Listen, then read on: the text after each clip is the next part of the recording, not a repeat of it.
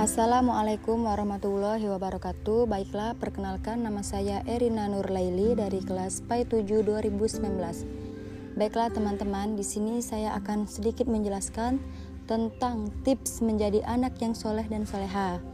Nah, di sini yang pertama yaitu kita senantiasa hormat dalam apa jua emosi. Nah, maksudnya yaitu bersikap bersikap hormat dalam keadaan apa jua emosi sekalipun. Mungkin kita pernah marah, pernah kecewa, tetapi perasaan itu sebaik-baiknya tidak mengurangkan rasa hormat kita kepada kedua orang tua, ibu atau kita. Tetap tenang dan tetap bijak menjaga emosi dengan baik. Nah, yang kedua yaitu jangan membantah apabila ada pendapat yang berbeda. Nah, maks maksudnya yaitu pendapat perlu disampaikan dengan cara yang halus dan sopan, bukan dengan keras. Beza generasi, beda usia, beda pengalaman membuatkan ruang perbedaan semakin luas. Jangan bersikap kasar dengan mengeluarkan perkataan yang tidak sopan. Tetaplah menjaga etika dari mereka. Yang ketiga yaitu jangan meninggal meninggikan suara. Maksudnya yaitu bagaimana sekalipun perasaan kita pada masa itu jangan berteriak, membentak, bersuara dan bernada keras dalam berbicara dengan ibu atau bapak.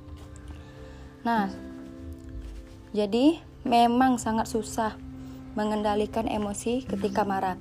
Tetapi cobalah lakukan dengan baik. Insya Allah semua dapat diatasi dengan baik.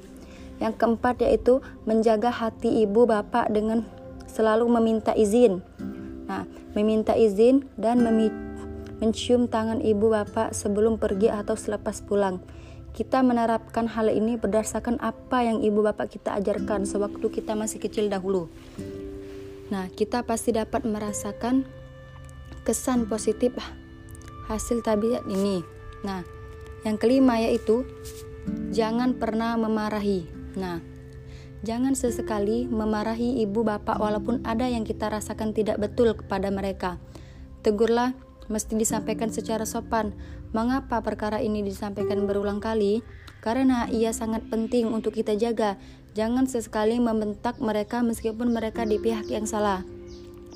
Yang keenam yaitu jangan berleter kepada ibu bapak. Maksudnya yaitu jangan mengajari, menasihati atau memberi ceramah kepada ibu bapak apabila mau memberi pandangan atau itu ibu bapak meminta pendapat kita perlu memberikan dengan sopan dan berhikmah.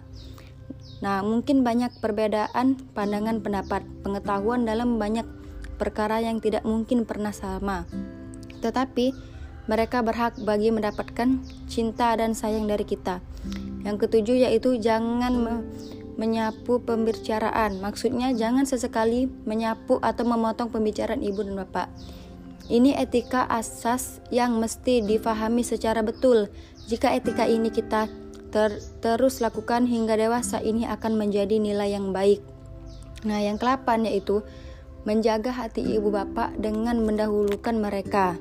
Nah, maksudnya itu tata cara lain adalah sikap sehari-hari ialah mengutamakan atau mendahulukan ibu bapak dalam segala aktivitas seperti memberikan tempat duduk, mem memulahkan makanan, minuman, dan sebagainya. Yang kesembilan yaitu jangan sesekali menyentuh kepala ibu bapak. Jangan sesekali menyentuh kepala ibu bapak ini apabila sedang berhadapan atau berkomunikasi kecuali untuk tindakan tertentu seperti memotong rambut. Yang kesepuluh yaitu menjaga hati ibu bapak bila bila berhadapan dengan mereka. Apabila berhadapan dengan berbicara dengan ibu bapak, mesti bersikap sopan, tidak bercekak pinggang, tidak melutut, tidak bersuara keras dan membentak. Yang kesebelas yaitu membantu tanpa diminta. Apabila melihat ibu bapak dalam kesusahan seperti mengangkat beban berat dan mengajarkan pekerja, mengerjakan pekerjaan berat lain tanpa diminta, kita sepatutnya segera membantu. Nah, jadi teman-temanku kita sebaiknya sudah paham ya bagaimana itu tips menjadi anak yang soleh dan soleha dan juga kita dalam agama Islam telah diajarkan untuk mematuhi apa yang diperintahkan oleh Allah Subhanahu wa taala dan menjauhi apa yang dilarang dan senantiasa biasakanlah beribadah karena dari kebiasaan itu kita akan terlatih dan tidak lalai. Dan kita harus menjaga akhlakul karimah kita supaya kita menjadi selalu supaya kita selalu menjadi anak yang baik. Nah, mungkin teman-teman hanya ini podcast dari saya. Apabila ada kata-kata yang salah, saya mohon maaf dan kepada Allah saya memohon ampun. Akhirul kalam wabillahi taufiq wal hidayah. Assalamualaikum warahmatullahi wabarakatuh.